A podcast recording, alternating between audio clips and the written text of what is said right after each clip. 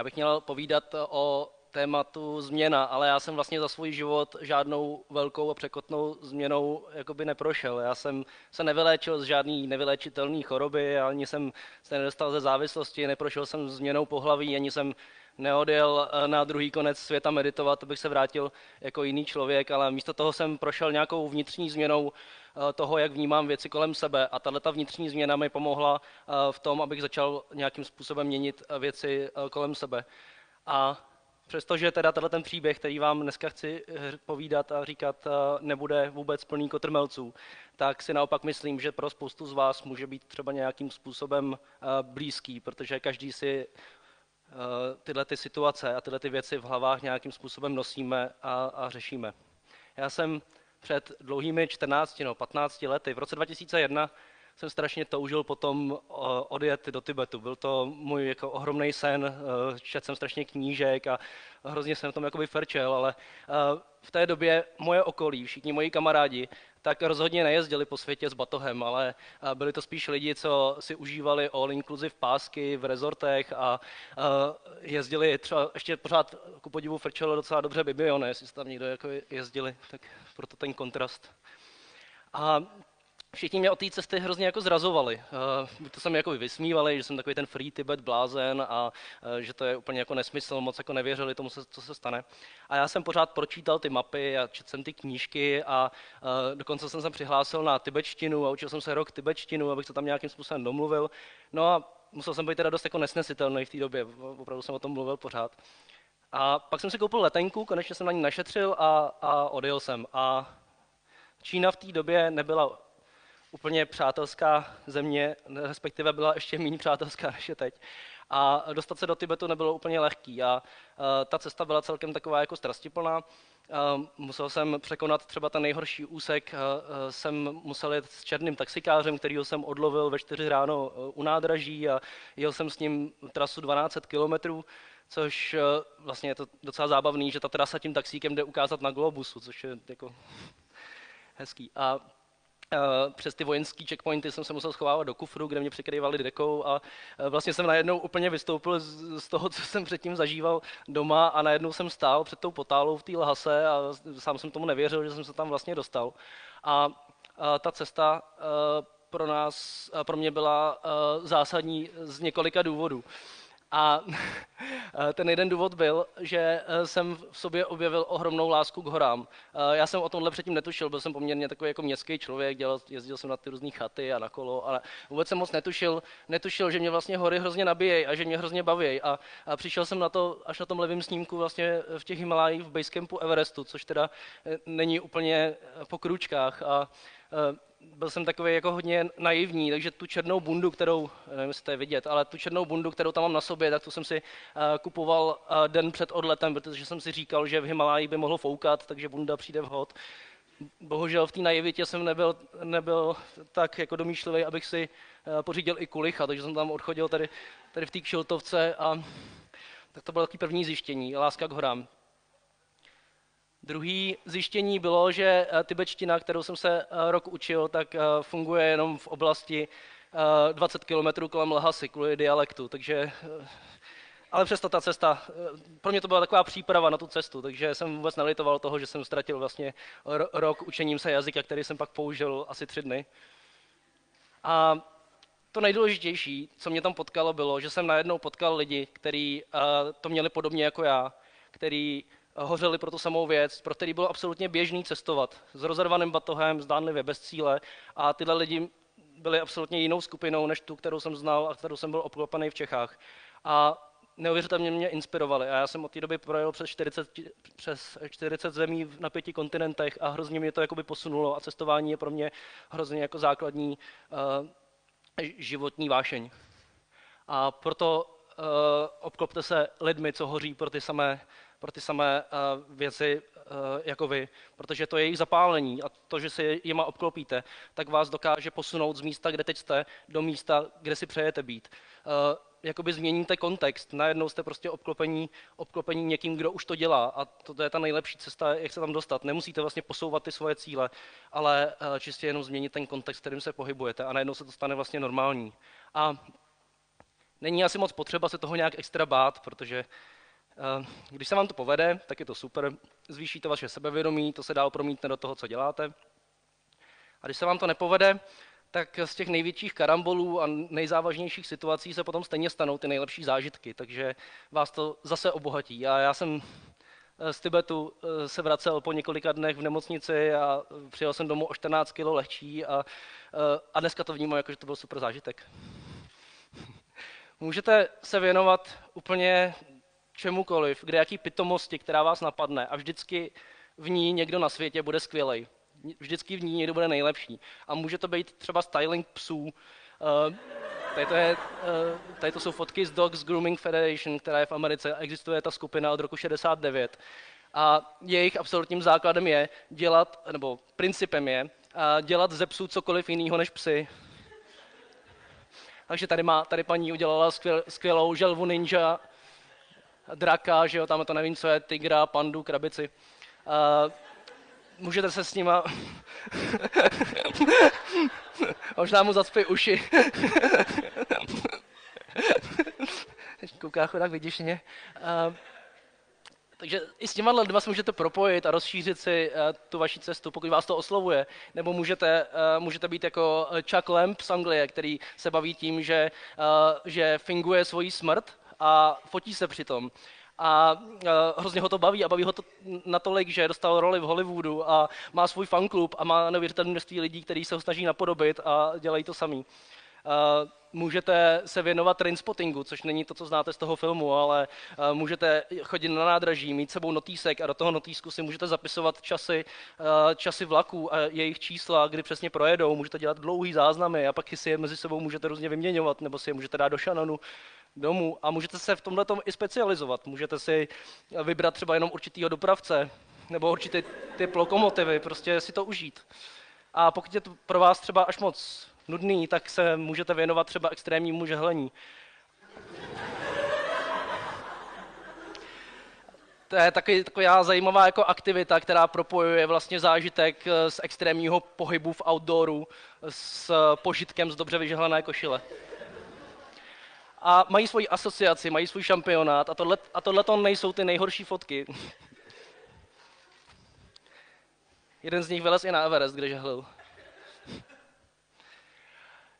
Myslím, souhlasím s Jimem Ronem, že jsme průměrem pěti lidí, s kterými trávíme, trávíme nejvíc, nejvíc času a se všema tady těma bláznivými lidma se můžete potkat, můžete si koupit psa a nebo si začít fotit, fotit v zajímavých situacích. A, a když se s těma lidma potkáte, tak vás neuvěřitelně posunou dál. A když se takhle začnete propojovat, tak uh, já na jednu stranu věřím v náhody, ale na druhou stranu si nemyslím, že to jsou vždycky úplně náhody. Vy třeba začnete něco dělat, tam někoho potkáte a ten člověk uh, vás zase s někým dalším propojí a najednou se dostanete někam, kde jste vůbec původně neplánovali, že budete. A mně se něco podobného stalo, když jsem se vrátil vrátil eh, z Tibetu a začal jsem pracovat jako programátor v české televizi. Vlastně ani nevím proč, eh, zkoušel jsem psát kus kódu, najednou mi zavolali, eh, já jsem pracoval předtím v nadaci člověku v tísni a tím, jak měla blízko k televizi, tak mě vlastně jako přetáhli do televize a já jsem najednou seděl před počítačem a měl jsem programovat. A bylo to vlastně jako dost skvělý období, protože v české televizi nikdo moc nevěděl, co vlastně od internetu chce, ale všichni věděli, že ho chtějí, a tak se zaregistrovala doména, možná si pamatujete tu šílenou check pomlčka tv.cz, že jo, hlasatelky plakaly, když to měli vyslovovat. A uh, dělali jsme úplně všechno. Bylo to úplně neuvěřitelný období, protože nebyla žádná strategie, ale cokoliv se nám líbilo, tak jsme dělali. Měli jsme krásné fotky k pořadu, dali jsme je na internet, měli jsme nějaký video, jsme televize, máme spoustu videa, pojďme ho na internet. A co teletext, má zůstat jenom v televizi? Ne, pojďme ho dát taky na internet. A vlastně tam nebyla žádná koncepce, jenom jsme to všechno prostě dělali. A e, tím, jak jsme to všechno dělali, a bylo hodně práce, tak e, jsme potřebovali i víc lidí. A rozhodli jsme se, že přijmeme další programátory, protože já jsem původně byl jediný, tak že nás bude prostě víc. Takže se vyvěsil inzerát a začali chodit lidi.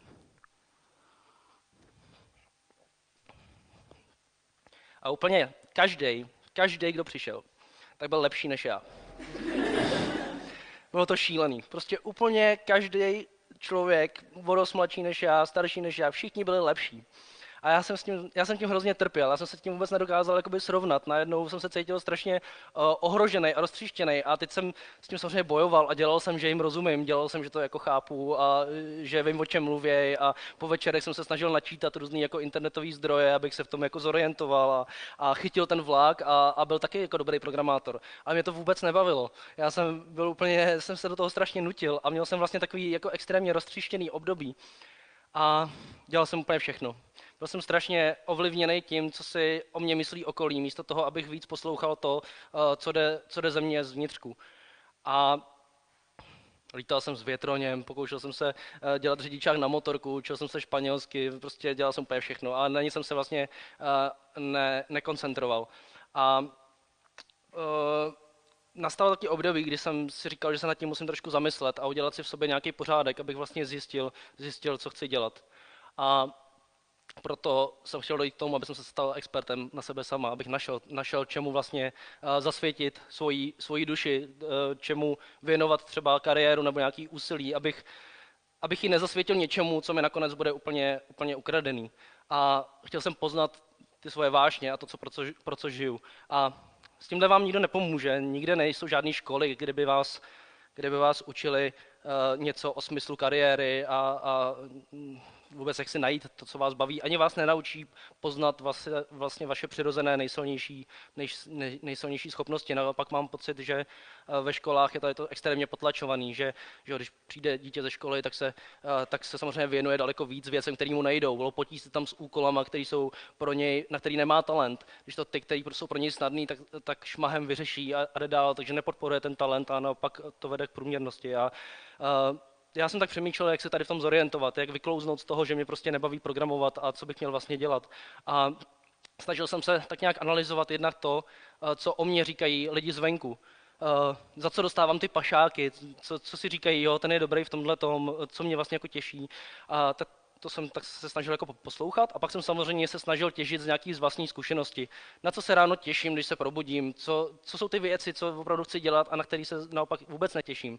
A všichni tyhle ty zkušenosti máme, každou minutu, hodinu, den, týden. Pořád sbíráme tyhle ty zkušenosti o tom, o tom, co nás baví a co ne, všichni, všichni to cítíme. Ale problém je, že se tím vůbec nezabýváme. Že to tak nějak jakoby proudí pryč v tom, v, v té rutině, té každodennosti a vůbec se v tom nehrabem. A když se v tom nehrabem, tak je to vlastně tak ty vaše zkušenosti jsou úplně k ničemu. Takže jsem se eh, jima snažil nějakým způsobem cíleně, eh, cíleně eh, hrabat a došel jsem k tomu, že mě vlastně vůbec nebaví dávat projektům život kódem a že mě vlastně daleko víc baví něco navrhovat, jak věci fungují a jak mají vypadat. A stal jsem se vlastně designerem. A to nemyslím tak, že bych si koupil skinny jeany a MacBook a dělal, že všemu rozumím, ale t- vlastně, jsem tím, uh, vlastně jsem tím designerem byl už předtím a akorát jsem to potřeboval nějakým způsobem objevit. No a když se tohle stalo, když uh, najednou jsem byl designer, teda zase v české televizi, vlastně jsem tam tak jako proplouval těma pozicema, tak když se tohle stalo, tak začalo úplně jako neuvěřitelný období. Najednou jsem cítil strašnou jako energii toho, že konečně dělám něco, co mi je blízký a uh, lidi mě za to plácají po zádech. A ještě to bylo v době, kdy Česká televize měla strašnou kvantu koprodukčních filmů. Začalo to pelíškama a všechny vlastně Hřebejkovy filmy a další filmy jsme dělali u nás a dělali jsme k tomu weby a byla to ohromná příležitost. A najednou si šáhnete na věci, už taková jako věc, že, že přijdete jdete do kina a teď máte to jméno v těch titulkách, že jo, tak to vás jako hrozně, hrozně pos, jako neposune, ale namasíruje vám to ego. Hm. No a dělali jsme, dělali jsme úžasné projekty a vznikaly olympijské speciály a všechno to šlo tak jako krásně hladce. A uh, celou tu dobu, co jsem tohle dělal, tak jsem se i snažil neustále hrnout do nějaké temnoty, temnoty neznámého do nějakých eh, jako temných vod. Pořád jsem se snažil, snažil nějakým způsobem uh, posouvat a hledat věci, které, které ještě neznám. A ono je to tak, že když přijdete do nové práce, tak vaše mysl je absolutně nezatížená, absolutně otevřená, nejedete ve stereotypech, ale jste, nevíte, jak to funguje, nevíte, jak se kdo jmenuje, nevíte, komu vykat, komu tykat, nevíte, jak fungují procesy ve firmě, a neví, nevíte třeba ani, jak obsluhovat jako hloupý kavovar v kuchyňce. A proto celá ta vaše mysl je strašně otevřená a všechno tak jako zkoumáte a jste extrémně kreativní a v tenhle ten moment máte možnost přinést strašně moc strašně moc do těch projektů a, a, a té firmě. Ale postupem času se z toho všeho vlastně začíná stávat nějaká, nějaká rutina a spoustu těch věcí, které každý den děláme, se se zautomatizují a v ten moment, co se tohle stane, tak z nich nemáte ani takový jakoby požitek, nemáte z nich takovou radost. Takže já jsem se snažil celou dobu se posouvat do věcí, které jsem předtím nedělal a pořád to prohlubovat a jednak se snažit koncentrovat na to, co rutinně dělám, tak abych to nedělal rutinně. A to samozřejmě jako není vždycky lehký, ale, ale hrozně mi to pomohlo. A díky tomu, jak mi to pomohlo a všechno šlo jakoby skvěle a pořád jsme dělali větší a větší projekty a všechno to bylo úžasnější, tak jsem se pořád, a pořád jsme scháněli noví lidi, tak najednou jsem se začal posouvat do takové role spíš jako, že jsem začínal projekty řídit, místo abych, abych určoval ten design. A tak trochu jsem se začal eh, stávat jakoby manažerem.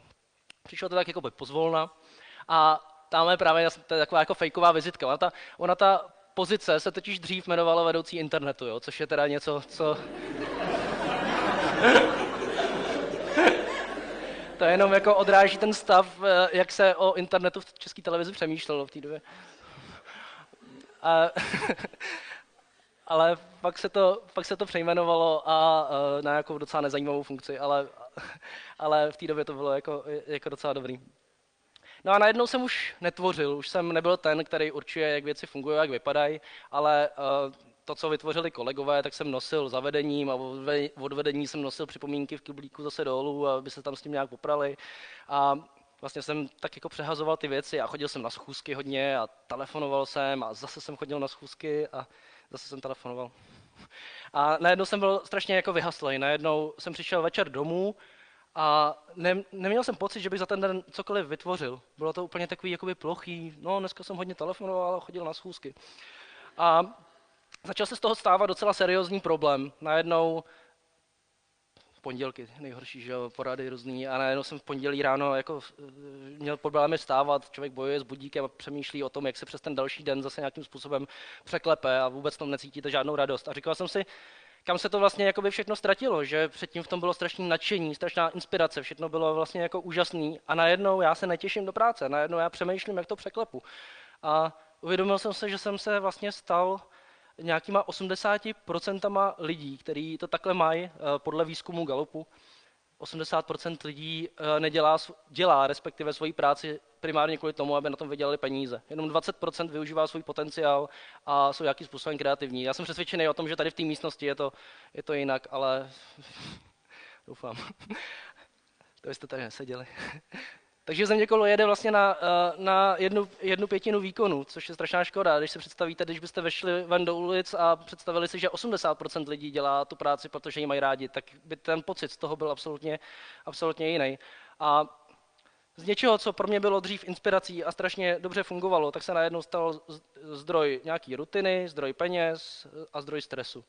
A uh, já jsem potřeboval z toho nějakým způsobem, způsobem vybruslit. A to nespokojení nějak stoupalo, stoupalo, ale pořád máte v hlavě ten kariérní žebříček, že jo? celou dobu na něčem pracujete, uh, snažíte se být lepší, stoupat, stoupat v té kariéře a a nechce se vám moc dělat změny, budete si nějaký CV, ale tady souhlasím s Warrenem Buffettem, že uh, brát práci jen abyste si stavili, si stavili dobré CV je jako šetřit sex na stáří.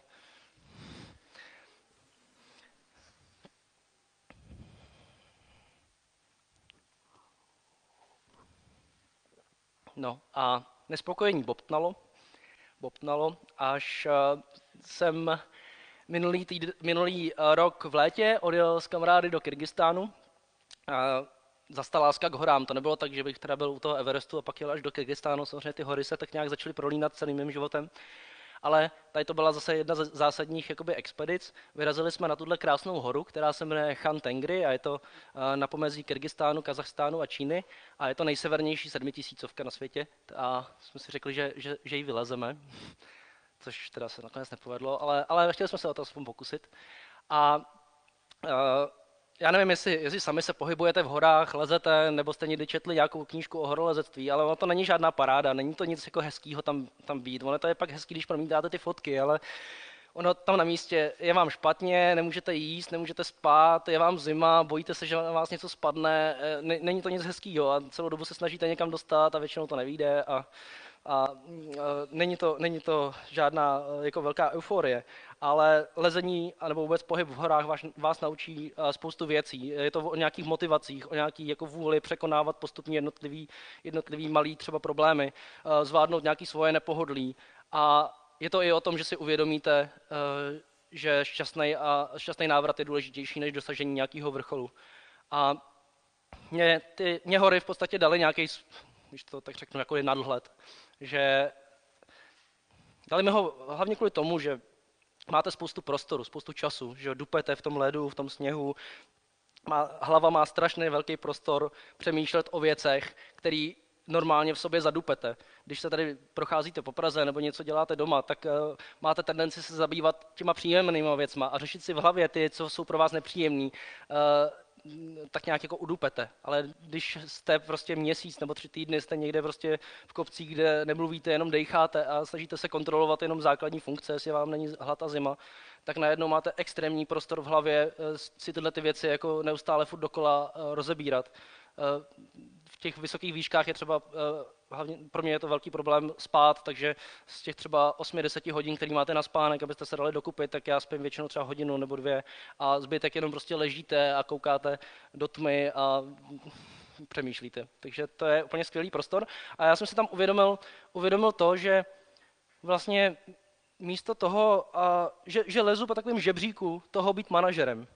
A že ten žebřík je opřený o strom, toho být manažerem, ale že vlastně místo toho já jsem měl líst po žebříku, který směřuje k tomu být lepším designérem. A já myslím, že tady to se stává strašně často, že eh, v nějaké firmě rostete, ale eh, najednou si všimnete, že ten růst neznamená, že jste lepší a lepší v té svojí práci, kterou děláte dobře, ale že to přeroste do jiné funkce. A najednou eh, ne každý designer nebo kdokoliv jiný je i dobrý manažer. To často tak, myslím, že to většinou tak neplatí. A já jsem zjistil, že z toho žebříku musím seskočit, že, že musím seskočit a zkusit jíst na jiný, líst na jiný strom, protože tam na konci toho žebříku, na který ta, teď já lezu, pro mě eh, nečeká žádný štěstí. To štěstí na mě čeká na úplně jiném žebříku a naopak ten můj žebřík bude zase šťastný pro někoho jiného. Takže jsem přijel z Kyrgyzstánu a zamával jsem v české televizi. Byla to moje, moje první výpověď v životě. Bylo to docela, docela těžký, jako, jako blbý papír, který máte vlastně podepsat a stejně jako to trvá. Ačkoliv mě uh, hodně jako okolí přesvědčovalo, že už to mám udělat dávno a ale musíte si k tomu prostě nějakým způsobem dojít, dojít sami. A od momentu, kdy jsem to udělal, přesně když jsem podepsal tu výpověď, tak ačkoliv o tom, že jsem to udělal, věděl jenom můj šéf a vlastně jsem to ještě nějak extra nešířil, maximálně do toho vnitřního týmu, tak uh, mi začalo chodit extrémní množství nabídek. Já nevím, jak to do toho funguje, ale já jsem přesvědčený o tom, že vyzařujeme nějakou energii, která prostě říká, hele, já teď budu jako volný, já chci pro vás pracovat a baví mě to. Já jsem to nikomu neřekl a furt mi všichni volali, to bylo úplně jako neuvěřitelný. A jedna z těch nabídek uh, přišla od Martina Bereho, který je uh, který je vlastně ředitelem neziskovky, která se jmenuje Recite. A neziskovka, neziskovka usiluje o lepší život ve městech, pořádají konference, eh, různé workshopy, setkání. Snaží se vybudovat města tak, aby byla, byla eh, odolnější a udržitelná v tom vývoji. A eh, já jsem se s Martinem dohodl a rozhodl jsem se využít toho, že spolu půjdeme do grantu, do projektu Rok jinak, který dělá nadace Vodafone Česká republika a že zkusíme podat ten projekt do tohohle grantu. A v případě, že bychom uspěli, tak eh, já můžu rok pracovat, pro, pracovat pro tuhle neziskovku a zaplatí mě Vodafone. Takže uh, nám to přišlo takový jako dobrý. A šli jsme do toho a, a uspěli jsme.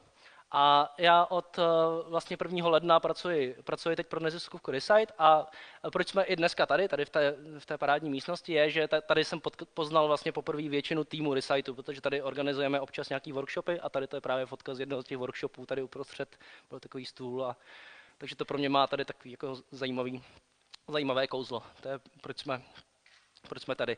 A proč mě to v Reciteu vlastně baví, co tam cítím jako ohromnou, ohromnou hodnotu je, že se trošku snažíme eh, udělat takovou jako naivní věc. Já mám vybudovat uh, digitální platformu, která umožní lépe komunikovat uh, radnicím, lidem ve městě, urbanistům, designerům, architektům, antropologům. A vznikne z toho takový zajímavý mix, který umožní nějaký kolaborativní rozhodování ve městě. A vlastně to změní trošku mentální nastavení lidí v tom, že, jim zno, že by jim mělo znova začít záležet na tom, eh, v jakém prostředí žijí, aby ten jejich zájem nekončil prahem jejich bytu nebo zahrádky, aby se opravdu zajímali i, to, i o to, co je, co je kolem a aby hlavně cítili, že pokud pro to něco udělají, takže ta změna může mít nějaký reálný dopad. Takže změnit úplně mindset těch lidí a to je samozřejmě strašně jako těžký a velký úkol, ale já si myslím, že to je realizovatelný v momentě, kdy kolem sebe máte zase lidi, kteří hoří. Lidé, kteří hoří pro stejnou věc jako vy. A já jsem v Reciteu chviličku, zase už nevím, jak ovládat kavovar, zase jsem jakoby otevřený eh, všem, všem věcem, jsem teď v tom báječném stavu, kdy, kdy člověk tak všechno jako zjišťuje a nemá žádný zábrany a nejede, nejede v rutině. A vlastně u všech, u všech rozhodnutí, u všech závažnějších rozhodnutí, které jsem v životě měl, u, každý, u, u každé té změny, byly vždycky hory ty hory byly pro mě takovým filtrem, který mě vždycky uh, donutil k tomu uvažovat a změnit, uh, udělat potom tu následnou změnu. A já jsem několikrát v horách potřeboval pomoc a chtěl jsem to nějakým způsobem horám vlastně i tak trošku jakoby vracet. A hrozně se mi hrozně se mi líbí, nebo líbilo, eh, co dělá eh, horská služba v České republice. A tak jsem si říkal, že se, že se stanu eh, dobrovolníkem pro horskou službu a že budu jezdit o víkendech na hory a budu tam pomáhat lidem na svahu a, a bude to skvělý. Tak jsem si říkal, mám zkušenosti, lezu po horách, budu pro ně skvělý, že jo. Tak jsem se tam jako přihlásil do toho procesu, že mě jako naberou. A, a oni mě odmítli, že jo. a oni mě odmítli kvůli tomu, že že nebydlím na horách, že jsem z Prahy. A, ale když pro něco opravdu hoříte a něco, něco opravdu jako hodně chcete, tak, uh, tak vás těžko někdo zastaví. A já jsem teď vlastně prvním Pražákem, který je členem horské služby a, a uh, stala se ještě taková divná věc, že mě zvolili jako vedoucího největšího okrsku v Krušných horách, takže, takže vedu tam horskou službu, tu dobrovolnou část a a baví mě to a je to jakoby super uh, doplněk té práce, kterou dělám pro Decide, uh, města a hory. A můžu, uh, ta satisfakce je neuvěřitelná, když pak někomu na tom svahu třeba pomůžete. A začala tam být taková klidná voda.